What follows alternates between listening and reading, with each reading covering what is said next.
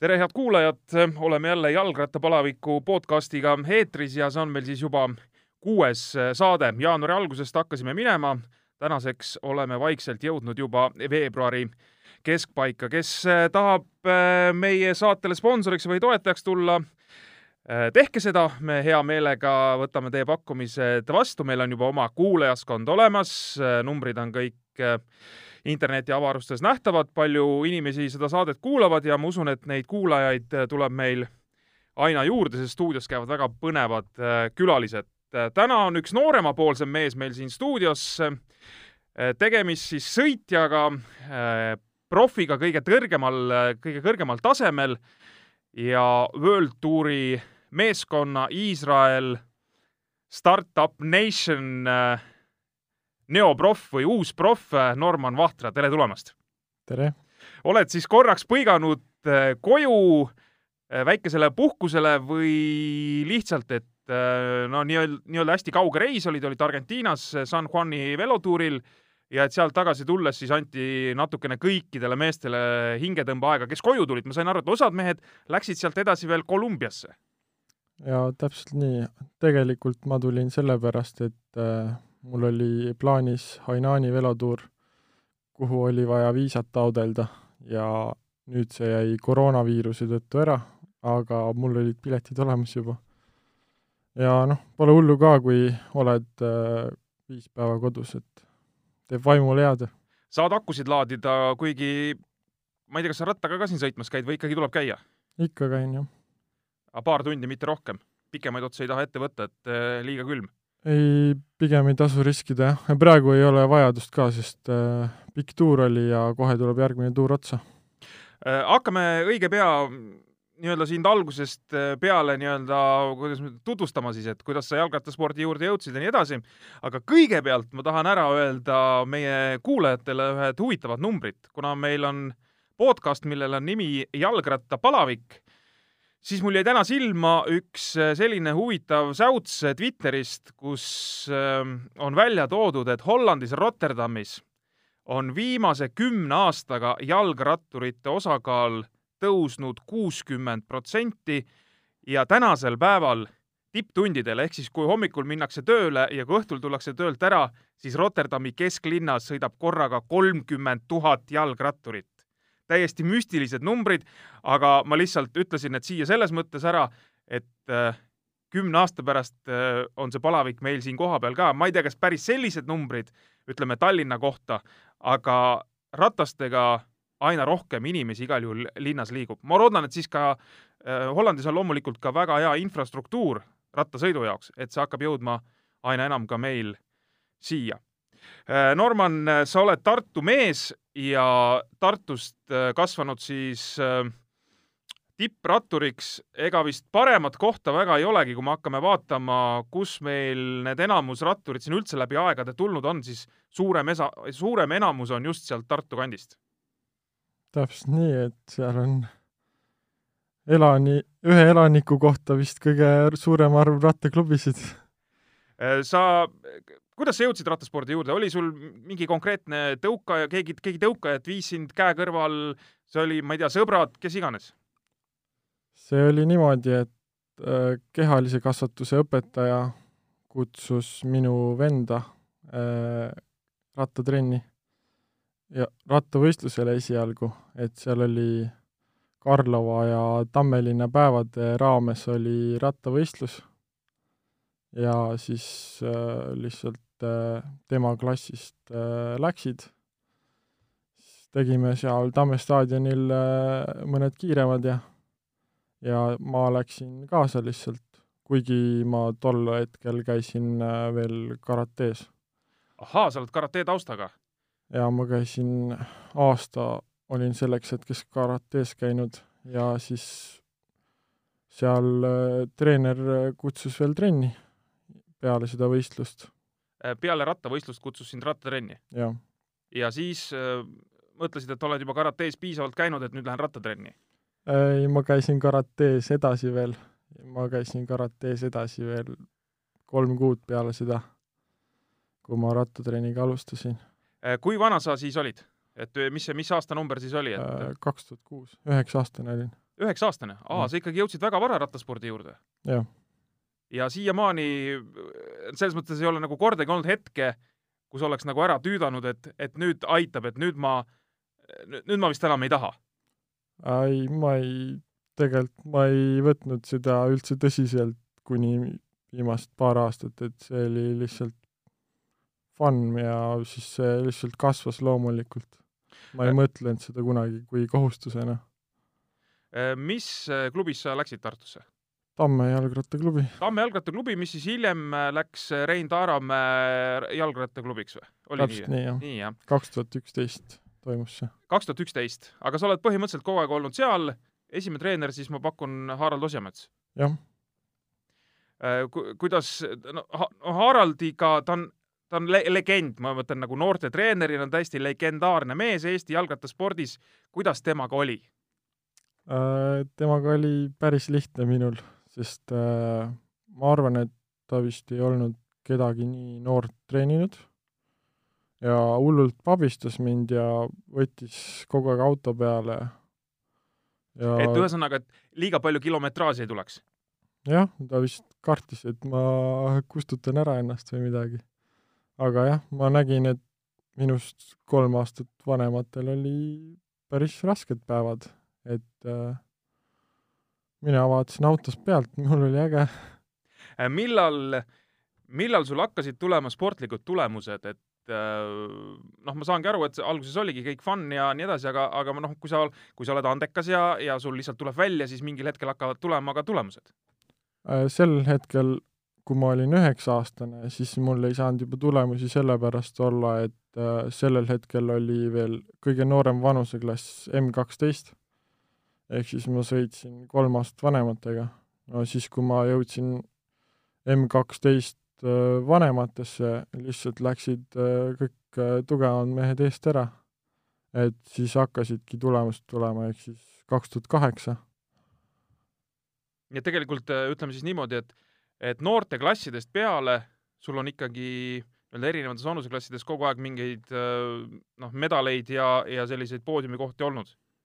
jaa, mäletan, kaks tuhat kaheksa kevadel panin kõik äh, kriteeriumid kevadel kinni ja siis oli veel eremälestus on veel teatekrossist kaks tuhat kaheksa, et äh, sain oma esimese Estikate medali, et tulime kolmandatena seal.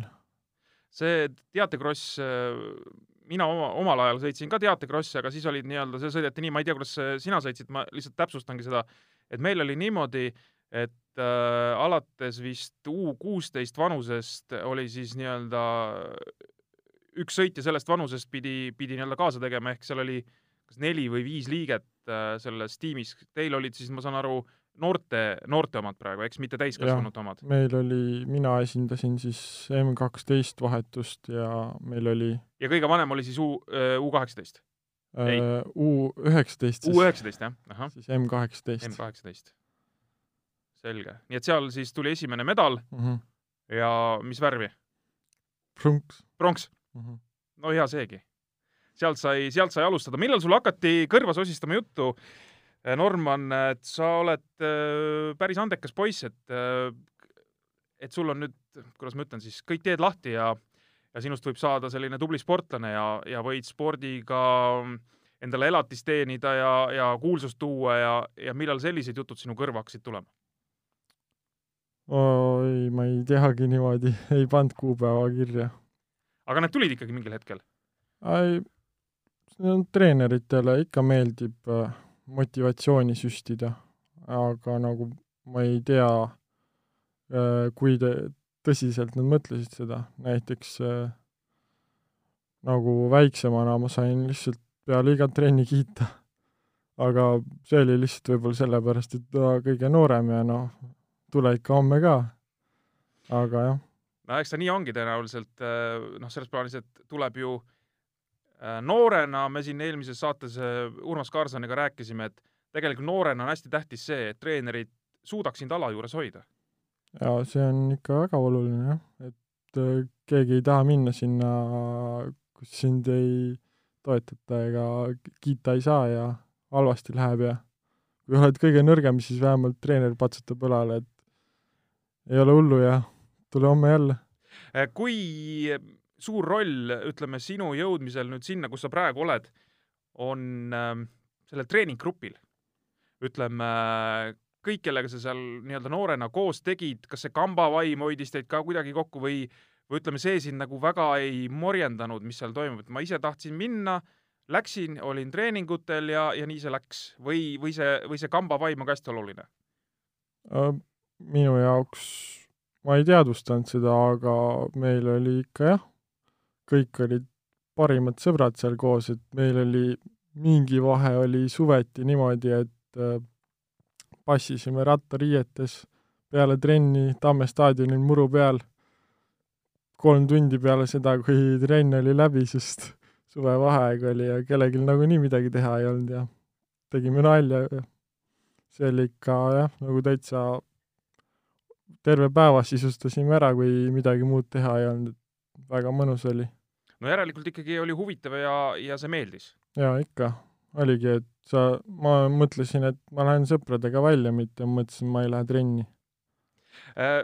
sa oled ähm, äh, tegelikult äh, no selline mees, kes on siin tulemustega silma paistnud maanteel, trekil, noh, noorena sa ütlesid, eks krossi ka Eestis tulebki siin sõita mitte ainult sügiskrosse, vaid ka talikrosse tuleb sõita reeglina, eks. et äh, kas sa kuidagi ja ka ütleme, maastikusõit näiteks niisama onju, et kas sa kuidagi mingil hetkel tajusid, mis sulle kõige enam sobib ka? või mis sulle endal kõige rohkem meeldib või? mulle kohe algusest peale meeldis äh, kõige rohkem maantee, sellepärast et mulle meeldis see kiirus, et äh, seal metsas müttamine ei tulnud vist nii hästi välja ka, et seal äh, mõned mehed olid kiiremad, võib-olla sellepärast ka nii palju ei meeldinud, aga esimene Estikate kuld tuli Talicrossilt. et see juhtus alles U kakskümmend kolm esimene aasta. et esimene Estikate kuld uh mhm. -huh. tuli sul alles U kakskümmend kolm vanuseklassis? nii et sa olid seal lähedal, aga sa ei olnud reeglina siis nagu võidumees, ma mõtlen nagu varasematel aastatel, et, et Estikatel ei just, tulnud seda just, välja üldse, jah. et äh, sellepärast, et mul see murdeiga jõudis hiljem kohale ja siis mul parim taktika oli see, et äh, see mees, kelle, kes võidab kogu aeg, ehk siis mingil hetkel oli see Mihkel Kalja ja mingil hetkel oli Eke-Kaur Vosman, et sõida nende taga ja ole teine ja see on parim asi, mida sa teha saad. selge, nii et see esimese, esimese koha präänik oli pikka aega nagu kättesaamatu ja,? jaa, see ei olnud mingit variantigi seal. et need poisid olid must peajagu pikemad ja pool meetrit laiemad. kas, kas sellest, ütleme siis üldse Eesti peale, sellest aastakäigust, kust sina nagu pärit oled ja ütleme, kellega sa koos nagu hästi tihti võistlesid, et siis ongi, et oled jäänud nii-öelda suurde sporti sina, Karl-Patrik Lauk on, te olete vist kas lausa sama aastakäigu poisid? ei ole. ei ole, jah? aga, aga koos ikkagi võistlesite, eks? See käis jah niimoodi, et üle aasta, et kuna kaks aastakäiku on koos, siis üks aasta oled koos, teine aasta ei ole koos enam. kas keegi on veel jäänud? Äh, no kui võtta niimoodi, et laiendada seda nii, laienda. Äh, aastast, aastakäigust üheksakümmend viis on meil Gert Kivistik ja Steven Kalf. Nemad on siis need kauged mehed hetkel, jah? jah. Martiniikil. Martiniiki saare peal, jaa, jaa aga ikkagi lõppkokkuvõttes ja äh, üheksakümne seitsmest on Siim Kiskonen Siim Kiskonen ka, jah, tema on praegu Prantsusmaal siis äh, Saint-Etienne'i amatöörklubis. jaa, et äh, aga see ring jääb ikkagi lõppkokkuvõttes jääb päris väikeseks lihtsalt noh, meid ongi noh, selles mõttes vähe ja, ja kui ütleme siin, mis sa siis praegu lugesid meil kolm aastakäiku vist ette, eks, üheksakümmend viis, üheksakümmend kuus, üheksakümmend seitse, sealt ütleme jääb viis-kuus meest sõitma, siis on hästi juba. ja tegelikult minu arust oli meil ikka väga tugevad aastakäigud kõik, et ma kujutasin ette, et jääb rohkem, aga elu on selline. kui, kui rasked olid sinu jaoks, ütleme, need üleminekuaastad nüüd noortespordist äh, pärissporti, täiskasvanute maailma, et sa oled hetkel kakskümmend kolm, ütleme, keskkooli lõpetamisega lõpeb see nii-öelda lastemaailm ära, et äh, ja siis seisad nagu lõhkise küna ees mingis mõttes, et mis ma edasi teen. jah, see oli täitsa jah, täitsa oli sihuke, et ma sain äh, sinna Prantsusmaale amatöörklubisse, kohe suvel läksime. see oli ka sihuke huvitav kogemus, et äh, olime selle Prantsuse direktoriga rääkinud äh, äkki mai lõpus ja siis oli vaikus ja siis me pidime, ütlesime talle, et me tuleme, mis ta oli, peale siis jaanipäeva ja siis oli jah sellega ja pärast enam ei vastanud keegi. aga õnneks meil oli kõik nagu plaanis äh, minna oma autoga koos siis äh, Peeter Pungaga. Et see oli lahe trip, et läksime kohale ja direktoril oli siis üllatus, kui me kokkulepitud äh, ajal, kokkulepitud kohas olime ja esimene õhtu siis oli niimoodi, et äh, meil oli seal üks kreeklane selles korteris, kus me läksime. võtsime temaga ühendust, küsisime, mis toimub et äh, kas me võime nüüd hakata elama siin ja siis saadeti meid pikalt, et äh, meil ei ole seda korterit valmis praegu. et seal on äh, sassis kõik ja et vaatame homme edasi seda asja. siis me läksime hotelli paariks ööks ja siis käisime seal järgmine päev kohal ja vaatasime selle seisu üle, koristasime seal, värvisime seinu, et et Läksite Prantsusmaale remonti tegema? jah, et trenni kohe ei saanud teha ja siis pidime korterit remontima. aga, aga selles mõttes te ikkagi nii-öelda sinna klubisse äh, sõitma saite lõpuks? jaa, see oli jah, neil oli üllatus korra, aga noh, kui me juba kohal oleme, siis proovime ära. ja peale seda mul tekkis augustis äh, põlvega probleem ja siis äh, mul oli niisugune lugu, et, et ma ei teadnud, mida teha, seal keegi aidata ei osanud, tulin Eestisse tagasi, kolmas september, ja siis ma mõtlesin, et okei okay,, mul on varianti B vaja. siis läksin äh, kutsekooli logistiku abiks õppima. Äh, siis Tartusse või kusagile mujale? Tartusse, Tartusse, jah. ja siis juhtus niimoodi, et äh, põlv sai terveks, aga päris pikk paus tuli sisse. siis hakkasin jälle trenni tegema, siis läks jälle põlv korrast ära, ehk siis järgmise hooaja algus, ehk siis kaks tuhat seitseteist algus jäi ka nagu poolikuks. ja siis ma sain juba nii palju koolis käidud, et hakkas meeldima, hakkasin mõtlema, mis mis üldse teha, jah? jah, et siis ma mõtlesin, no äkki ikka siis ma pingutan selle kooli ära, et vaatasin, et seal oli vaja ainult käia poolteist aastat, et ainult aasta oli jäänud. ja siis hakkas see hooaeg minema, siis ma sain äh, Minski GP-lt teise koha, suhteliselt kogemata Tour of Estonial sain koondisesse, seal tundsin ennast hästi ja nagu sõitsin eest ära seal küljetuule peal ja Karl-Patrik võitis ja kõik oli nagu, ma ei tundnud ennast ära sadulas, et ma ei olnud kunagi nii hea olnud. ja ma võtsin otsuse vastu, et ma nüüd äh, keskendun spordile. kas ja..., kas sellel ajal loodi ka Cycling Tartu meeskond või see oli juba olemas? ei, see tuli see tuli hiljem, hiljem., see tuli siis kaks tuhat kaheksateist? jah mm, -hmm.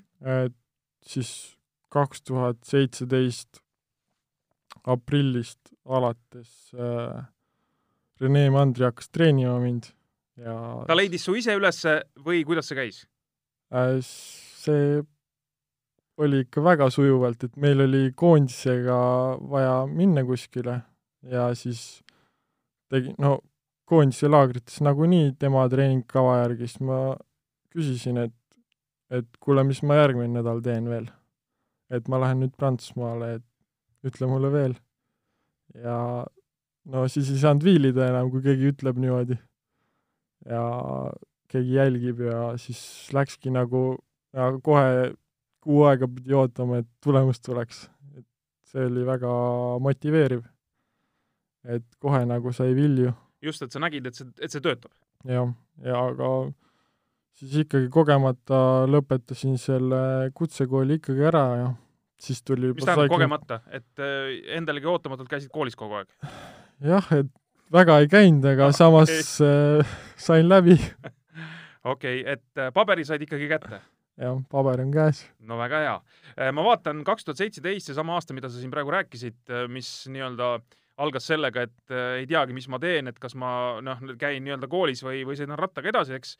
et siis selle aasta lõpus sa sügisel said juba korra siis Rene Mandri abistamisel, ma arvan, jala ukse vahele Belgiasse. klubi oli siis Aqua Service. jah, ja seal käsi oli mängus äh, Gert Kodanikul ka. ja siis äh, jah, see räägi, oli räägi sellest kogemusest ka. see oli väga hull kogemus, kui sa tuled Prantsuse amatööri tasemelt, siis seal normaalsemad sõidud olid niimoodi, et olid peal neli World Touri tiimi ja seal oli ikka ilgem madistamine, et olin seal, kui jagati jooksikutesse minekut, siis hea, kui sai tuules ära istutud. et kõige eredamalt on mul meeles äh, GP Valloni, mis oli siis vihma sadas ja mul tuli lõpuaeg äh, viis tundi ja nelikümmend seitse minutit. ja ma sain võitjalt vist kakskümmend viis minutit.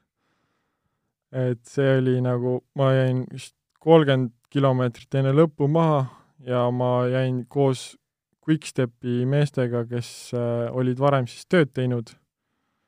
et jumal tänatud neile, et nad vedasid mind seal ja see oli mu siiamaani elu kõige raskem päev kas äh, sellistel hetkedel, mida sa praegu kirjeldasid, et sa lähed äh, nii-öelda ühelt tasemelt teise, eks sa tulid amatöörina, lähed järsku nii-öelda profiklubisse, saad seal proovida ja siis see profiklubi võistleb kohe sõitudel, kus on maailma tipud kohal, eks.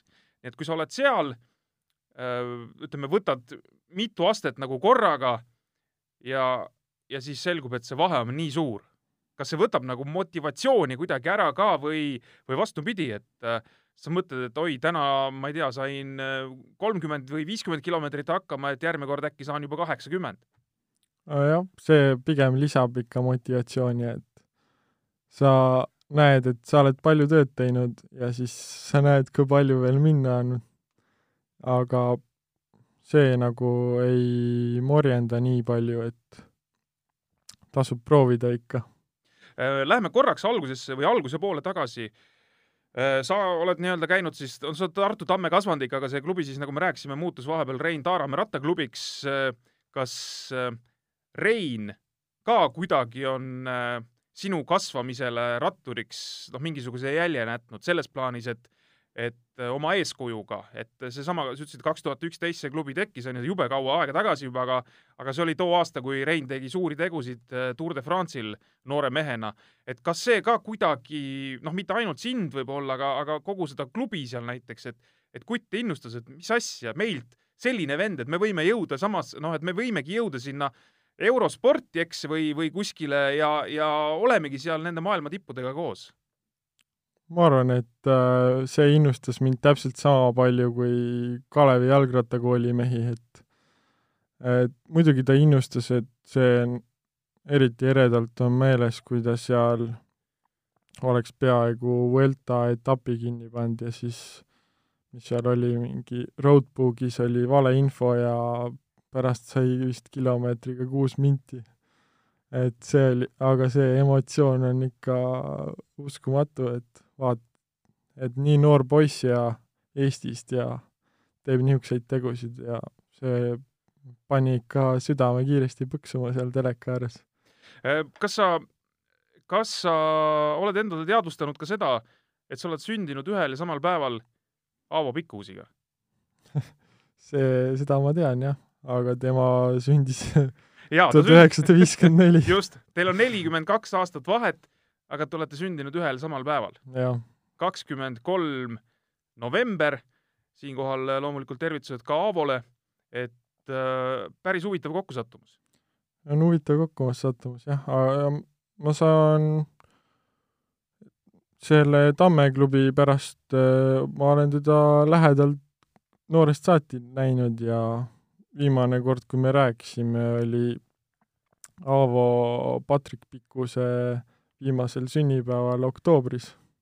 et äh, kui nii võib öelda, siis aastas korra näeme ja suhtleme endiselt ja jagas mulle siis veel õpetussõnu ka, et äh, väga lahe vana ja loodame, et äh, elab kaua veel ja saab veel äh, tervemaks, kui ta on praegu. absoluutselt, loodame igal juhul ja, ja kõik need õpetussõnad, mida need vanemad mehed sulle juurde tulevad, ma ei pea silmas ainult Aavo Pikkusi, meil neid rattalegende on siin Eestis tiir-, tiirutamas veel, sa kindlasti väga hästi tead, nii nooremaid kui vanemaid, et las nad tulevad ja ütlevad hea, hea või, või natukene ka siukse, kuidas ma ütlen, võib-olla mõne sapisema sõna, et mehed, mis te jamate, et miks te siukest asja seal teete, eks kasvõi, kasvõi kui sa tuled näiteks võistlema Tour of Estoniale, nad satuvad raja äärde, vaatavad, et ei, niimoodi need asjad ei käi, mehed, onju, et ajavad nii-öelda oma, oma rida, aga aga võtke see info vastu, sõeluge see läbi, ega kõik ei pea, et aga tore on, kui erinevad generatsioonid omavahel suhtlevad, see on väga äge. ja rattasport äh, toob jah, noored ja vanad kokku, et me käisime ka koos äh, trennis ja koos saunas äh, Oskari Karguga ja Vahur Valvasega. kes on siis Tartu Tamme legendaarsed rattamehed ja, ja. Vahur sõidab siiamaani äh, Äh, kodus, kodust kalendrit, äh, siis ma ei teagi, mis seenioride vanuseklassis ta seal sõidab, eks? no seenior kahes, aga aga ta võib sõita kõigiga võidu? see ja, mingi kaks-kolm tundi? muidugi, ta ju pani kõigile pähe siin kevadel Otepääl, et see on väga heas vormis endiselt. absoluutselt. nii, me oleme jõudnud äh, tagasi, ütleme, aastasse kaks tuhat kaheksateist Cycling Tartu. ja sealt siis äh, hakkas Äh, ma olen aru saanud niimoodi kõrvalt, et seal siis hakkas Rene Mandr ikkagi vaikselt, äh, äh, vaikselt kasvatama sind selleks, et sa oleksid seal, kus sa oled praegu. jah, ta juba hakkas seda kasvatama esimesest päevast kaks tuhat seitseteist, aga aga jah, siis nagu loodi võimalused, et saaks nagu väljundit rohkem. kaks tuhat kaheksateist sellesama klubi, ütleme, Cycling Tartu klubiga, mis siis praegu äh, sellest hooajast on nii-öelda juba profiklubi, U kakskümmend kolm profiklubi registreeritud Rahvusvahelises Jalgratturite Liidus, Tartu kaks tuhat kakskümmend neli, balticchaincycling.com, et äh, selle klubi tekke äh, andis sulle nagu ikkagi sellise kindluse, et nüüd sa olid noh, sada protsenti nagu spordimees, et ei olnud enam mingit küsimust ka. ja täpselt siis ma jah, sest äh, ma tundsin, et sinna on investeeritud nii palju, et nüüd ma pean endast investeerima ka sada protsenti. kuidas see asi siis minema hakkas, et äh, et seal käis kõik äh, selles mõttes nagu loomulikku rada pidi, et ettevalmistused, sobivad võidusõidud, siis vahest loodetud tulemused, vahest kindlasti ka nii-öelda ebaõnnestumised, sest ütleme, et jalgrattaspordis on võistlusi nii palju terve hooaja peale, et tegelikult neid õnnestumisi on ikkagi vähem kui on ebaõnnestumisi. jah, et äh, kui võtta üksikute meeste tsüklokrossi hooajad välja arvata, siis, siis on jah, ikka võite on vähem kui osavõtte. ei, kõvasti vähem loomulikult, et palju sul, ütleme näiteks hooaja peale siin eelmisel aastal, oskad sa öelda numbrit, palju starte tuli Start,? umbes? starte mul tuli seitsekümmend. seitsekümmend? Mhm. ja Aga... või-, ja võite tuli sul Äh, UCI võite tuli äh, kaheksa, kaheksa, pluss ütleme, mingisugused nipet-näpet väiksemad võidud juurde. neliteist võitu. neliteist võitu, noh, et ütleme, kui me võtame siis äh, circa iga viies või kuues start, siis oli võidukas. jah, kui nii jah, statistiliselt võtta, siis jah. aga eelmise hooajaga sa tegid siis, noh, sellise läbimurde hooaeg oli siis kaks tuhat üheksateist, et et lõppkokkuvõttes sügisel sa said juba siis, kuidas ma ütlen, jõupositsioonilt läbi rääkida äh, meeskondadega, et kas ma lähen sinna või lähen, lähen teise kohta? jaa, sest äh, mul oli, mul oli jah, vaja, et ma ei, mul ei olnud eesmärk, et ma lähen World Touri, et ma oleks olnud seal äh, Pro Continentalis, Wallonis äh,, see oleks ka üle, üle eesmärkide tegelikult. ja siis mul ei olnudki nagu, miks ma pean ootama seda, kui ma juba olen saanud endale rahuldava pakkumise Äh, rahuldav pakkumine tähendab sinu jaoks siis mida? et äh, sinusugune mees, äh, ütleme siis eelmisel aastal vanuses kakskümmend kaks veel, sa said kakskümmend kolm, said nüüd novembrikuus, eks, kakskümmend kaks, üdini spordimees, tuleb mingi klubi, no mitte mingi klubi, vaid ikkagi väga korralik klubi, paneb pakkumise lauale. mis seal pakkumises olema peab, et sinusugune spordimees selle vastu võtaks? no kui oleneb, mille pealt sa tuled, et ma tulin Cycling Tartust. amatöör, amatöör, amatöörklubist? jah, ma elasin äh, auhinnarahade pealt. et minu jaoks oli aasta algus, ma mõtlesin, kui ma saan järgmine aasta natuke palka ja ma saan head võistlused, siis ma olen juba nõus. ja siis tuli veel parem pakkumine, et milles küsimus? Et põhimõtteliselt ütleme, see Valloni klubi oleks võinud kirjutada suhteliselt väikse numbri sinna lepingusse. Äh, sul oli, sul oli, ta pani või ühesõnaga see Belgia klubi panigi sulle ju konkreetse pakkumise lauale, eks?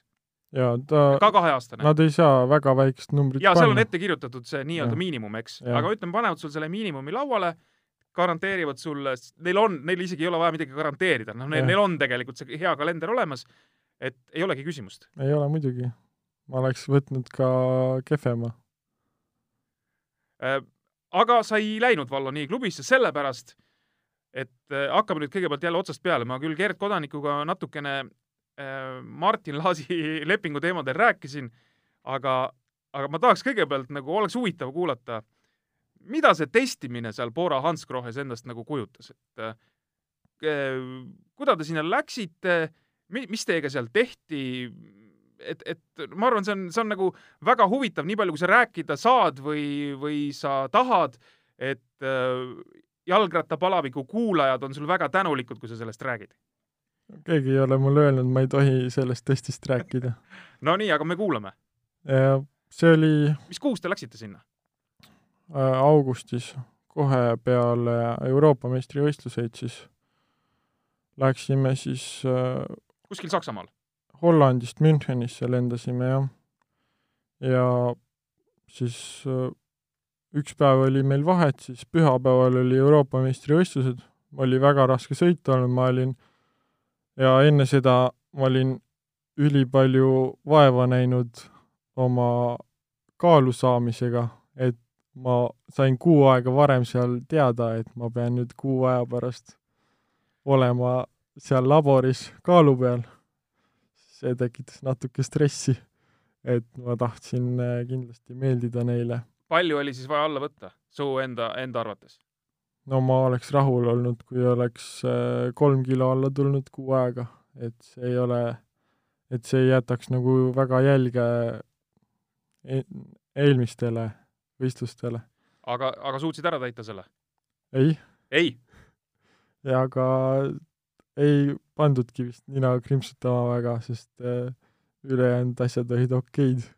nii, jõudsite kohale, pandi kaalu peale ja siis? ja siis äh, mõõdeti igast muid asju ka, aga raskemad asjad oli, et äh, tehti spurditest, oli siis selline pukk, SRM-i pukk seal, kus oli nagu minu mõttes ebatraditsiooniline sprindiharjutus. et see pukk nagu tõmbas äh, kohe jõu taha, mitte nagu rannamaa juures, nagu me olime teinud, et sa väntad sada viisteist pööret sisse ja siis tuleb äh, jõud taha.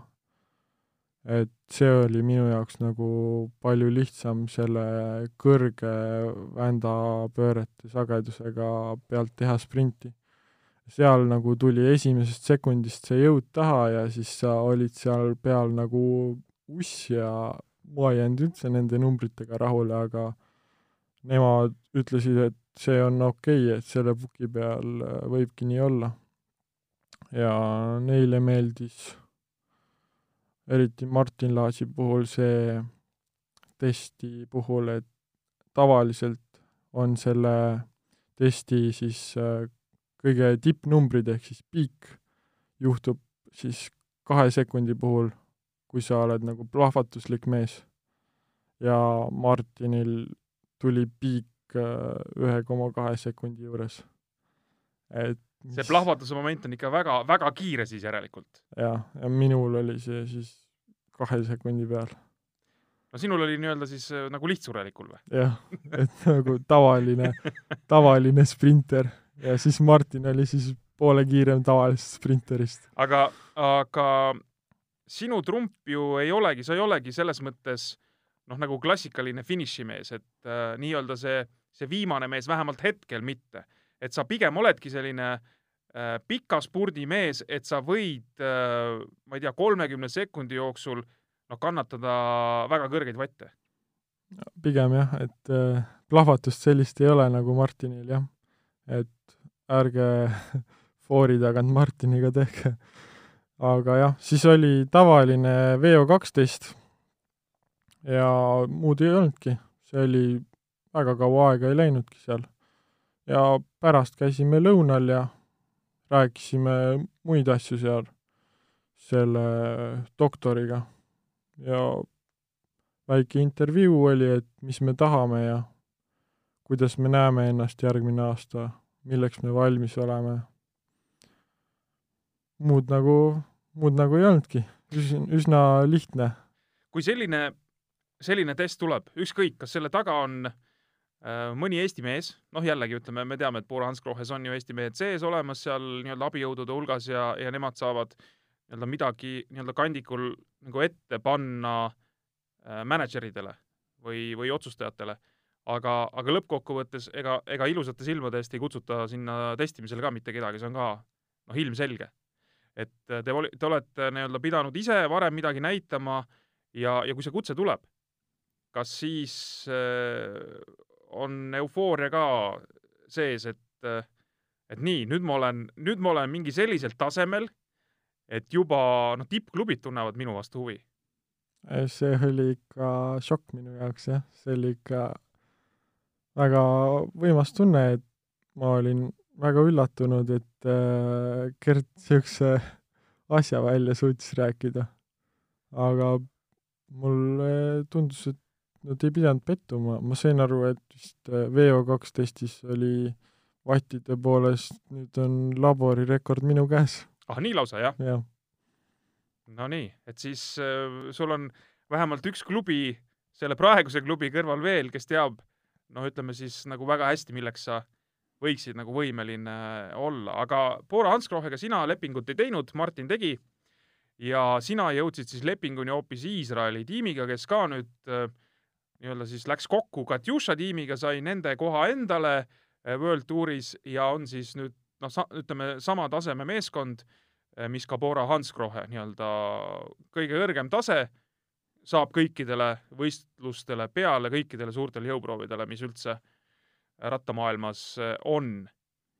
kuidas sa jõudsid siis selle Iisraeli klubi juurde, ma natukene äh, Äh, sellest inglisekeelsest äh, intervjuust, mis sinuga tehti Gironas, äh, sain aru, kuidas see asi toimus, aga ikkagi, ole hea, räägi meile see asi veel selles mõttes üle, et sel hetkel, kui Valloni klubi pani sulle konkreetselt lepingu lauale, siis tegelikult oli mingisugune jutuajamine või mingisugune infovahetus käimas juba ka Iisraeli meeskonnaga.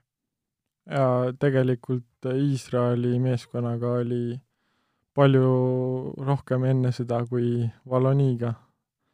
et äh, seal Iisraeli klubis oli väga aeglased need asjad, jah. Nad juba suvel suhtlesid, direktor ja siis Rene. Direktor siis äh, kas peamänedžer Kiel Kaaström? täpselt. soomlane? soomlane. sõitnud ja võitnud Saaremaa velotuuri? jah ei tea, mis aasta see oli, aga oi, see oli ikka jupp aega tagasi. Seda, seda saab, iga huviline saab järgi vaadata seda mm. -hmm.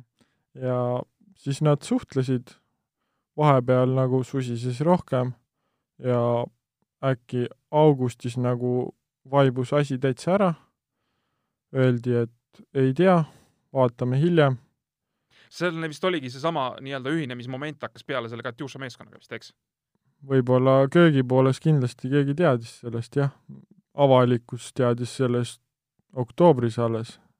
et mina ei kujutanud seda ette.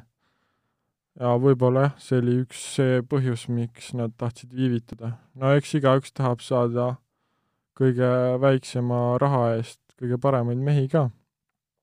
Ja hooaja keskel võib-olla on raske otsuseid teha. ja ma ei mõelnudki selle peale üldse pärast, kui oli juba kuu aega, ma ei olnud midagi kuulnudki sellest septembri alguseks juba. ja siis äh, juhtus niimoodi, et me käisime Eesti koondisega seal Rumeenia tuuril, vedasin seal Mihkel Räime lahti niimoodi, et sellest oli täitsa kena video ja no nagu õpikust oli seal niimoodi, et kurvi, kurvi sisse oli veel kakssada meetrit minna. vedasin Mihkli niimoodi lahti, et äh, kõik oli ainult äh, üksteise taga, et keegi seal isegi ei pakkunud konkurentsi ja siis Mihkel spurtis must mööda ja siis ma vajutasin ikka kõvasti pidurit seal kurvis ja põhimõtteliselt seal Mihkli asemel oleks võinud olla ka Joosep Sankmann näiteks võita selle etapi, et seal nagu ei pidanud olema kõige kiirem mees. jah, et see eeltöö oli nagu nii hea meie poolt, et äh, võib-olla see video jõudis siis Kielini, et Äh, pani uuesti mõtlema selle peale. ja siis, kui, siis oli juba mul selle Valloniga suhtlus käis ja kui siis tuli see päris äh, leping, siis ma andsin sellest teada. Äh, Iisraeli meeskonnale siis, jah?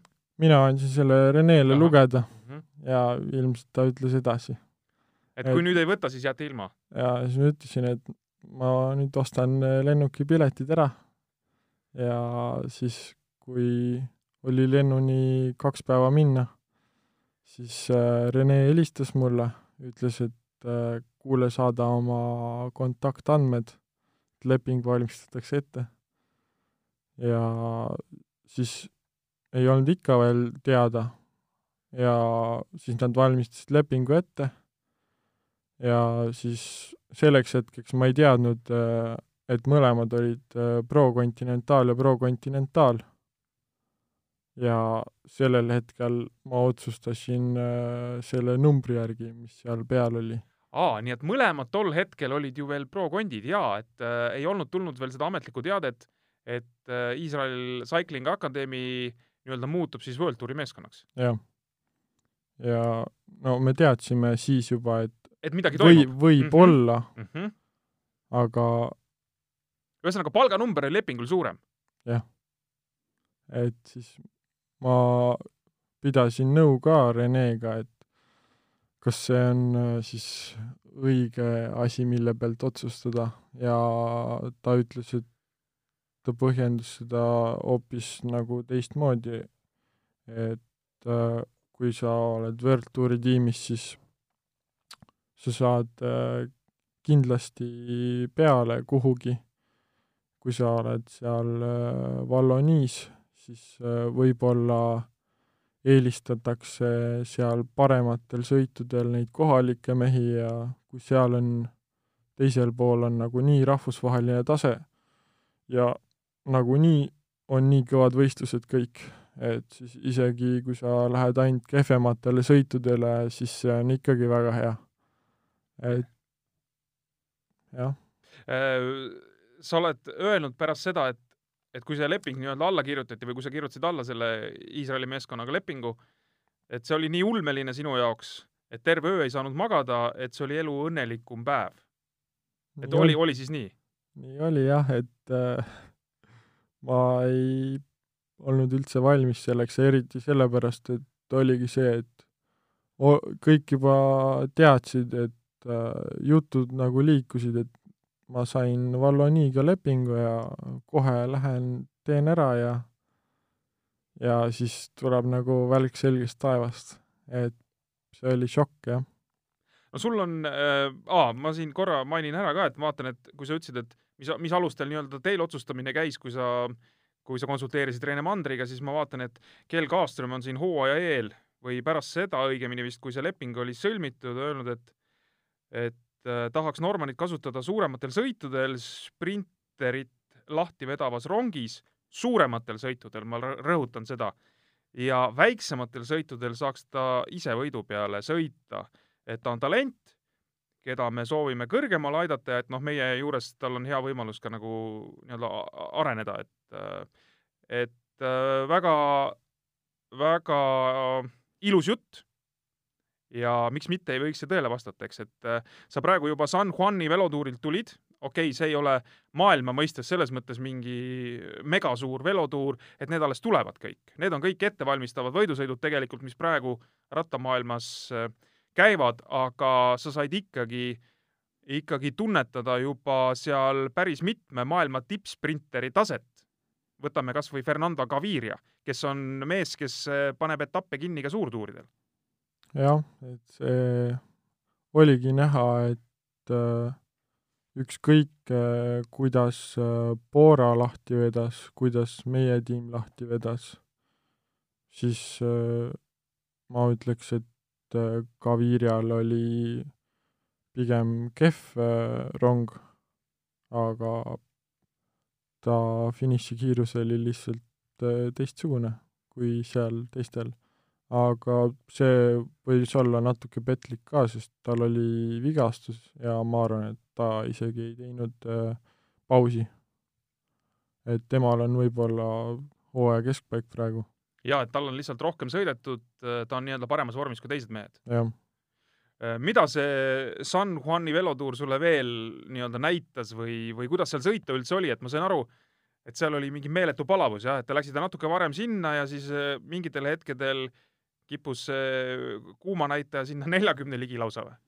jaa, et see oligi kõige suurem asi, millega oli harjuda vaja, sest ma tulin siis äh, Gironast, kus oli siis jaanuaris sinna nulli kanti hommikul, kui trenni läksid, et äh, siis kui lennuki pealt maha astus ja siis oli ikka fööniga saime et see tuul oli ikka, esimene päev oligi vist kõige hullem, et äh, see oli mingi nelikümmend kraadi ja päikse käes siis ilmselt oli nelikümmend viis või midagi sellist.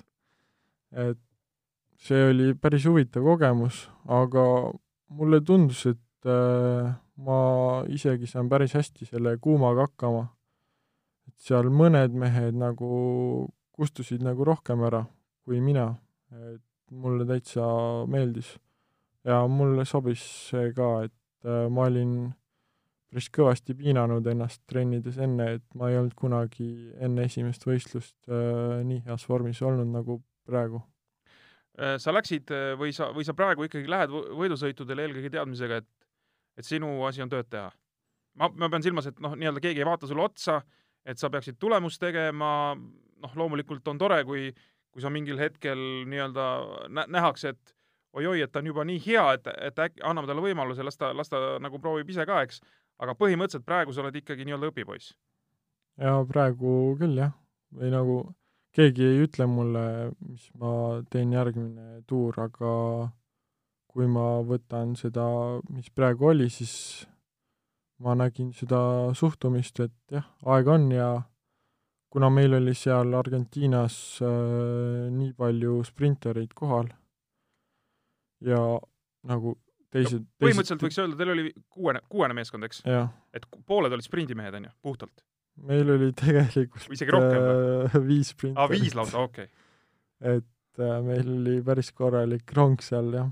aga kuna teised nii-öelda päris sprinterid võib-olla nii hästi ei suuda lahti vedada, siis, siis oli nii jah, seekord ja kuna Rudi Barbier siis esimese etapi veel võitis ka, siis nagu jäid äh, teised ka oma võimalusest ilma, et äh, suur jutuajamine oli seal Hugo Hofstetteri ja Rudi vahel, et mis nüüd saab, et äh, mulle lubati, et mina saan ka proovida ühe etapi.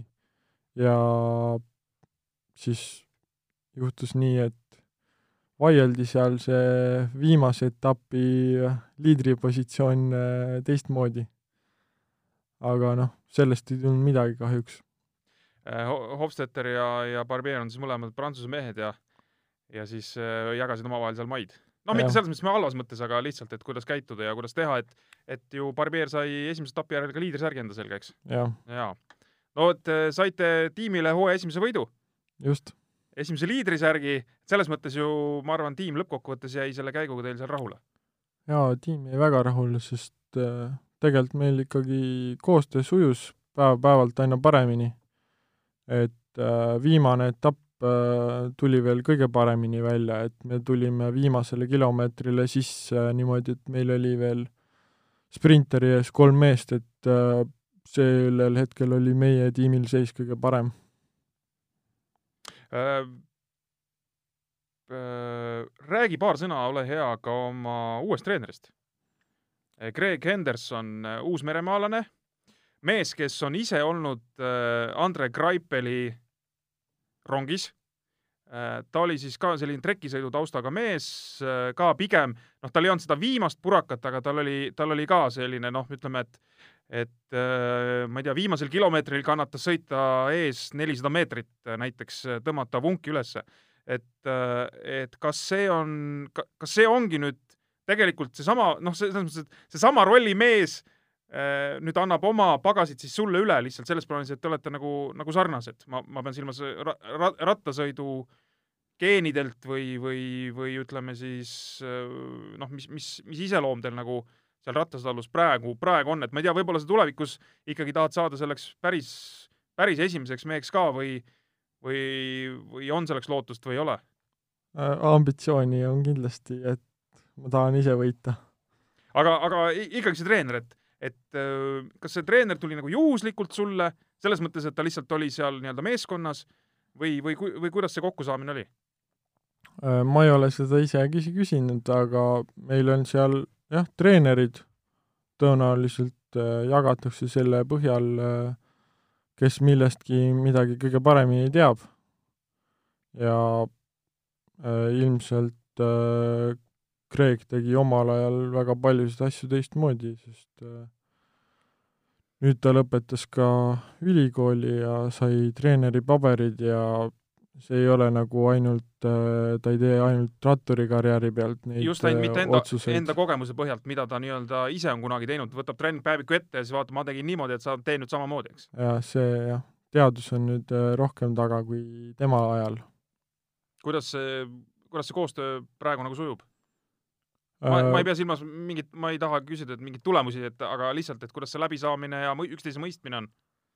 no praegu me oleme olnud siis koos alates äh, novembri viimast nädalast, kui ma läksin äh, siis Hispaaniasse ette valmistama. ja kohe alguses äh, ta tegi mulle sellise plaani, et väga intensiivne kava oli. et ma juba novembris tegin intervalle. ja see oli alguses väga suur šokk mulle et kas nüüd nii hakkabki olema. ja mul oli selline tunne, nagu ma ei oleks kunagi trenni teinud. aga siis äh, kuna meil oli pikk laager tiimiga, siis ta nagu ei puutunud üldse asjasse, sest meil oli seal grupitrennid ja tegime nagu, me ei teinud nagu individuaalsete kavade järgi. ja siis kui ma läksin jälle Hispaaniasse, sain üksinda trenni teha, siis tulid nagu väga detailsed kavad.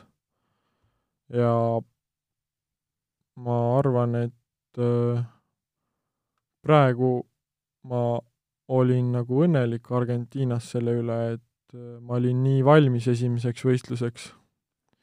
Ja ma olin nagu vormis nagu suvel aga ma olen äh, kuulnud oma endiselt treenerilt, et äh, niimoodi on natuke ohtlik teha.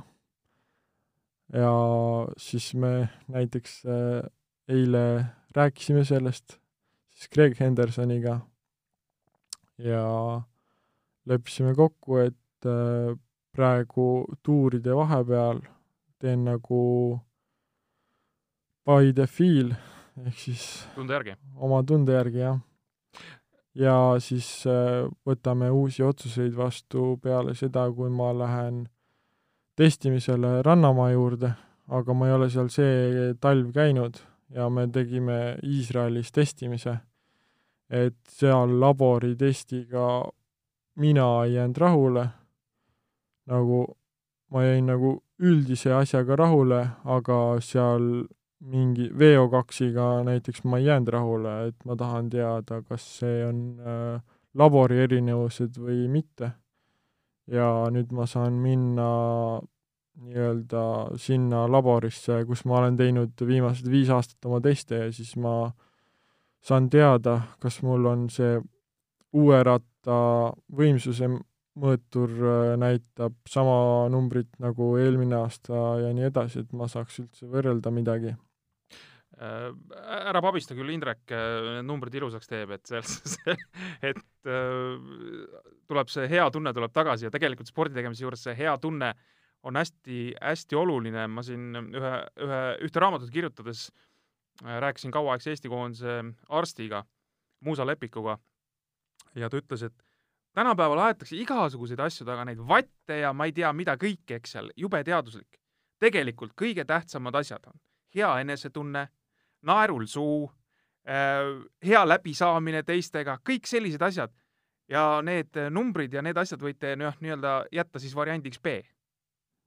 et küll Indrek väga tu... terve suhtumine. jaa, küll Indrek sul tuju head, heaks teeb, et, et äh, kõik sujub, aga äh, kuidas on laagris olla selliste meestega, keda sa oled telekast muidu näinud? Andrek Raipel, Dan Martin äh,, Alex Dowsett sellised, sellised ässad, kes on, kes on ikkagi nagu suurte tuuride mehed ja, ja suurte, noh, ütleme isegi no suurte võitude mehed.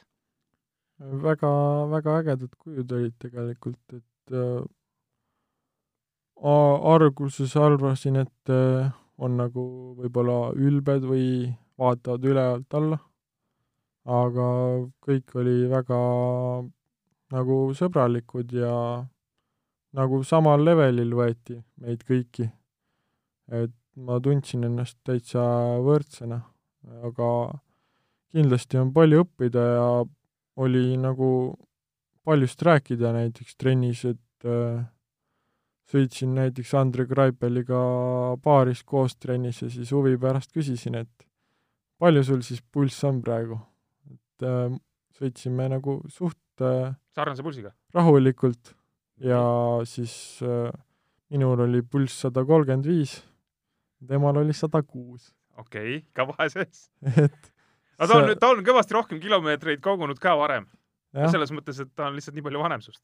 et lihtsalt huvi pärast jah, et, äh, et äh, tasemevahe on olemas jah, et see oli nagu äge ja mulle alati tuletati seal meelde, et, äh, et sõida ikka kergema käigu trennis, et äh, mulle ikka meeldib nagu see läbi jõu astuda ja siis ma sain seal hüüdnimeks Mr Cadence.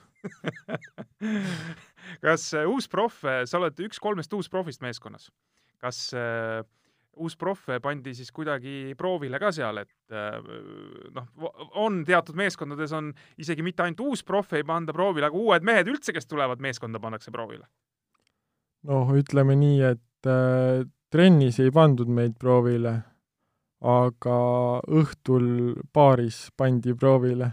mis te siis tegema pidite? ma ei tea, kas seda tohib rääkida. ütleme nii, et väikse aja jooksul suur kogus. suur okei okay. äh.... aga tulin edukalt äh, läbi sealt. ei no eestlastel ei ole kogusega tavaliselt probleeme. jah okei okay,, me oleme peaaegu tund aega lobisenud juba, Norman, aeg on läinud kiirelt ja seda tuleb praktiliselt iga kord, iga kord siin äh, saate juures äh, tõdeda. räägime paar sõna veel äh,, mis ees ootab? ees ootab äh, Indrek Rannamaa test teisipäeval ja esmaspäeval äh, Tartu Ülikooli laboris äh, keha koostise analüüs ja siis neljapäeval Provence'i velotuur pühapäevani ja siis kakskümmend kuni kakskümmend kolm äh, veebruar äh, Tour of Antalya ja ja see Türgi tuur tuli sul sellepärast, et Hiina tuur jäi ära? jah, see tuli asemele ja õnneks seal ma olen juba kaks aastat käinud, et see on esimene sõit, kuhu ma saan minna enesekindlalt peale, et ma tean, mis tuleb. kas, ähm, kas sa tead ähm, ka midagi sellist juba ette, et, et vot äh, ka see suurem sõit, mingi tuntum sõit on, on nii-öelda kavas, et äh, et äh, ma ei tea, mingi klassik, mõni, mõni suurem velotuur tuntum velotuur, ma ei pea silmas, ma ei pea silmas kolmenädalast tuuri, aga, aga neid nädalasi on siin päris hulgim veel. ma olen kõrva taha pannud nii palju, kui me rääkisime nagu koosolekul, et mis on nagu võib-olla. Ja praegu midagi väga kuulsat ei ole, et mul on siin, no järjest tuleb neliteist märts on siis äh, Hollandis üks äh, klassik, siis on äh, kaheksateist märts on äh, Nokere Kors, siis on üheksateist märts on Grand Prix Denan, siis on äh, kakskümmend märts ehk siis kolm päeva järjest ühepäevasõidud, saab huvitav olema, Predene Kokside siis äh, on äh, Kataloonia velotuur. ahaa, no Kataloonia velotuur on ikkagi juba väga äh,, väga kõlakas velotuur ja kui ma ei eksi, siis Kataloonia tuuril vist äh, tahab tulemust teha Tanel Kangert. ta Mine võiks, võiks igal pool teha ja, tulemust. aga jah, see tõenäoliselt on minu esimene World Touri sõit siis. ja sellega asi piirdub praegu, et edasised plaanid alles äh, saavad paika mingil hetkel. jah, lubati, et äkki maikuus saad natuke puhkust ja äkki saad tulla Eesti tuuri sõitma. Äh, fantaseerime, et äh, sinu nägemuses kõige ägedam sõit, mida tahaks kunagi ära võita. et vot, sul on sümpat-, lihtsalt sümpatiseerib mingi sõit, et kas sa oled, ütleme seal maailma nendest klassikutest või, või mingitest äh, velotuuridest, mis iganes etappe tahad võita, et et vot see oleks, noh, see, vot kui ma selle kätte saan praeguse seisuga, sa mõtled niimoodi, et siis oleks nagu noh, üli, ülisuper või, või sa lihtsalt võtad ka pragmaatiliselt selle järgi, et, et sa tead, millist tüüpi rattur sa oled, et äh, vot minu, minu tüüpi võimetega mees võiks, vot äh, vot kui selle kätte saaks, siis, siis oleks lagi, vot siis, siis võiks öelda, et ma ei tea, MM-tiitel näiteks, et ma tulen grupisõidu maailmameistriks, vot, vot see oleks lagi see maailmameistritiitlite peale ma ei ole mõelnud, sest see on nagu nii erinevates kohtades alati.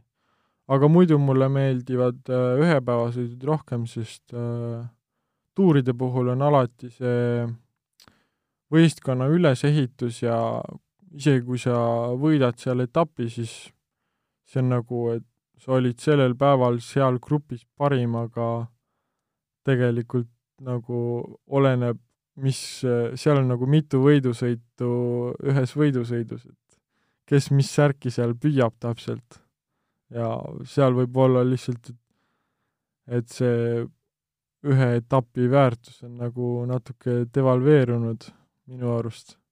et äh, ühepäevasõidud on nagu ägedamad minu arust, et seal nagu tehakse tiim selle päeva jaoks ja kõik panevad nagu selle nimel, et seal olla lõpus esimene. Äh, kas äh, sinusugune mees võiks kunagi kõvasti sõita Pariis-Roubaix'd ka? tehniliselt äh, ei tohiks olla mingeid takistusi, jah. aga see, see, see sõit sind iseenesest ka paelub või? see müttamine seal äh, munakivi peal? see, jah, see on täiesti eriline, jah, et see oleks kindlasti nagu unistuste lagi, aga muidu mulle meeldib väga selline äkki mingi küljetuulesõit, kus oleks nagu huvitav terve sõit inimesel vaadata ja siis kes sealt siis võidab. näiteks mulle meeldib väga Sheldebris, mis on siis äh, täitsa sile sõit ja lõpeb vahepeal niimoodi, et on täitsa tükid taga ja vahepeal lõpeb grupifinišiga. nii et mine tea, mis, kuidas aasta satub, eks? ja alati ei pea võite võtma, ka sinusugune mees ei pea alati võite võtma grupifinišist võiks võtta, võiks võtta vabalt ka näiteks üksinda. ajalugu on näidanud. just, ja sa oled seda varem ka suutnud eh, teha. ja päris lõpetuseks nüüd, sa oled ühes tiimis ju Mihkel Räimega. et sul oli üks Eesti mees juba seal ees olemas. Eh, sõidate mingit võidusõitu kusagil koos ka? esimene sõit, mis meil koos tuleb, on Antalya tuur. et seal saame proovida. siis panete nii-öelda Eesti maffia tööle seal? jaa, ikka paneme maksma selle, et kumbki meist saaks äh, tulemuse. super, tänud äh, tulemast, Norman, siia saatesse. Need noorema generatsiooni profid, kes meil praegu on, ega nendega võib-olla ei olegi selline laiem üldsus väga tuttav, et mis mehed nad on, kuidas nad mõtlevad, mis on nende plaanid, et vanemate meestega, kes siin juba, ma ei tea, võib-olla mõne aasta pärast lõpetama hakkavad, ma pean silmas äh, Rein Taaramäed, Tanel Kangertit, mine sa tea, millal see motivatsioon neil otsa saab, kuigi Rein on öelnud, et ta vist paneb neljakümneni välja, äh, oleks lahe, las paneb, et kui tal motivatsiooni jagub. Aga et me saame natukene tuttavamaks ka nende nooremate meestega ja ja te olete siis need, kes peavad seda rattasporti siin Eestis nagu edasi viima, vähemalt äh, sportlikus plaanis.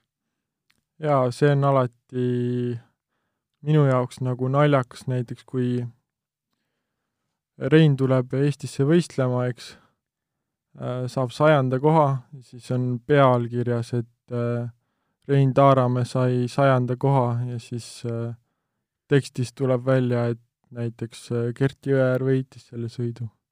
et võiks natuke lahti lasta nendest kahest nimest võib-olla ajakirjandus. et loodame, et see saade teeb seda loodame, et äh, pigem ikkagi mainida neid, kes äh, sellel päeval parimad on, mitte välja tuua seda, et et äh, keegi oli noh, ütleme siis nii-öelda viimane või eelviimane, eks. jah veel kord tänud tulemast, selline oli siis tänane saade meil äh, külas Norman Vahtra. jutt venis ühe tunni ja kaheksa minuti pikkuseks umbes, aga ma usun, et on igati huvitav kuulata. järgmisel nädalal juba uus külaline ja kõike paremat Äh, kuigi ilmad vist lähevad siin natuke külmemaks, siis äh, ärge pabistage, küll varsti saab jälle rattaga sõita. siga taga,